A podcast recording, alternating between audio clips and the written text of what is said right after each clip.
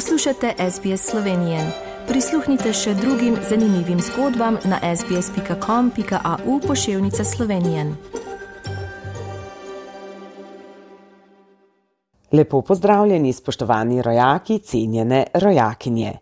Teden, ki je za nami, je bil za nas pester iz vseh mogočih vidikov. Medtem ko so šolari vzhodnega dela države začeli zimskimi počitnicami, se je na veliko dogajalo tudi na vseh drugih področjih. Pa poglejmo podrobnosti.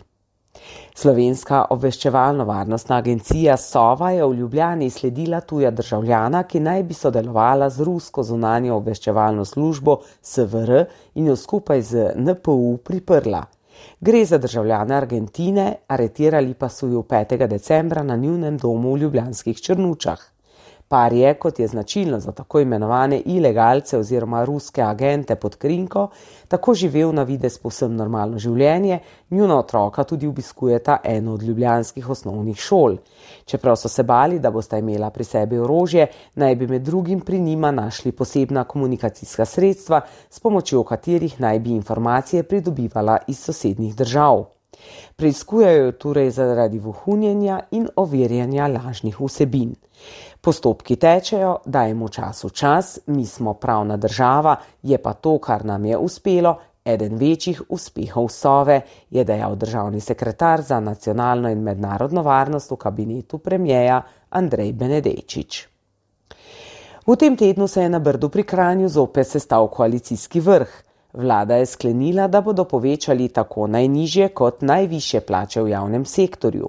Obljubljajo pa tudi, da plač pod minimalno ne bo več. Koalicija je na Brdu pri Kranju pretresla izhodišča za letos napovedane vladne reforme. Kot je po srečanju povedal predsednik vlade Robert Golop, sta bili na dnevnem redu le dve točki in sicer reforma plačnega sistema in reforma stanovanskega trga. Koalicija meni, da enotnega plačnega sistema v javnem sektorju ni več. Ta sistem bomo reformirali v več korakih, je še napovedal Golop.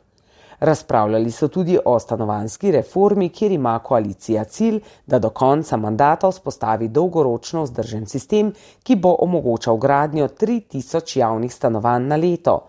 Nosilec bo republiški stanovanski sklad, iz proračuna naj bi se namenilo po približno 100 milijonov evrov letno. Konkretnih rešitev za prenovo sistema nismo slišali, pa so se odzvali sindikati javnega sektorja. Reforma plačnega sistema bo, kot meni koalicija, najtrši oreh, saj bodo od te reforme odvisne tudi ostale. Izhajali bomo iz tega, da se razmerje med najnižjo in najvišjo plačo v javnem sektorju spremeni na 1 proti 7, še napoveduje predsednik vlade. Ali bo slovensko gospodarstvo, ki v veliki meri polni državni proračun, preneslo dvig plač v javnem sektorju in načrtovano plačno reformo, pa se sprašujejo v gospodarstvu. Predsednik fiskalnega sveta opozarja, da bi bilo naivno pričakovati, da reforma ne bo prinesla dodatnih stroškov za proračun. So se pa v Ljubljani zbrali protestniki na shodu tako imenovane ljudske inicijative Glas upokojencev in napolnili Ljubljanski trg republike. Nekaj tisoč jih je bilo, med njihovimi zahtevami pa takojšen 20-odstotni dvig pokojnine, ki so nižje od 1000 evrov, in 15-odstotni dvig za pokojnine v višini od 1000 do 1500 evrov. Najnižja mesečna pokojnina naj bo 750 evrov, povprečna neto pokojnina pa 75 odstotkov povprečne plače v Sloveniji. Vlada je iz zakonodajnega postopka omaknila predlog državnega zakona o začasnem dodatku sodnikov in državnih toživcev, po katerem bi sodniki in toživci od januarja prejemali mesečni dodatek v višini 600 evrov. Pristojna ministrica je dejala, da so se za umik odločili predvsem zaradi pomislekov zakonodajno-pravne službe državnega zbora. Na kakšen način bodo reševali težavo, bo znano v prihodnjih dneh. Poslanci socialnih demokratov pa so na vlado naslovili pobudo, s katero predlagajo spostavitev sistema brezplačnega predšolskega varstva in vzgoje ter prenos financiranja predšolske vzgoje z lokalne na državno raven. Do uveljavitve nove rešitve pa v luči napovedenega dviga cen vrcev predlagajo spostavitev začasnega mehanizma, ki bi to preprečil. Pri tem so računali na glasove poslancev SDS, vendar bi ti najraje interpelirali kar celo vlado. Številna slovenska smočišča so te dni dobro obiskana, sončno vreme in debela snežna odeja.